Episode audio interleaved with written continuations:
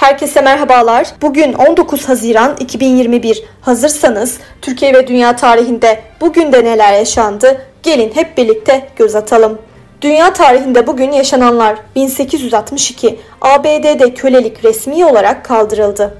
1910 Dünya Babalar Günü ilk kez Amerika Birleşik Devletleri'nde kutlandı. 1972 65 ülkenin pilotları uçak kaçırma olaylarını protesto için boykota başladı. Boykota Türk pilotlar da uydu ve uçak seferleri 24 saat durdu. Türkiye tarihinde bugün yaşananlar 1926 Mustafa Kemal İzmir gezisini izleyen Anadolu Ajansı'na ünlü sözlerinin yer aldığı demecini verdi. Benim naciz vücudum bir gün elbet toprak olacaktır fakat Türkiye Cumhuriyeti ilelebet payidar kalacaktır. 1961 Türkiye Almanya'ya iş gücü ihracına başladı. 1979 yaşanan petrol sıkıntısının ardından İstanbul'da karne ile benzin dağıtımına başlandı. 1968 İstanbul'da 40 bin çocuğun çocuk felci mikrobu taşıdığı açıklandı.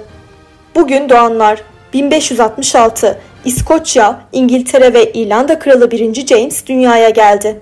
Bugün ölenler 1867 Meksika İmparatoru 1. Maximilian hayatını kaybetti. 1977 İranlı sosyolog Ali Şeriatı vefat etti.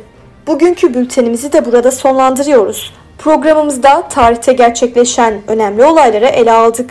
Yarın da tarihte neler olduğunu merak ediyorsanız bizi dinlemeyi unutmayın. Yarın görüşmek üzere.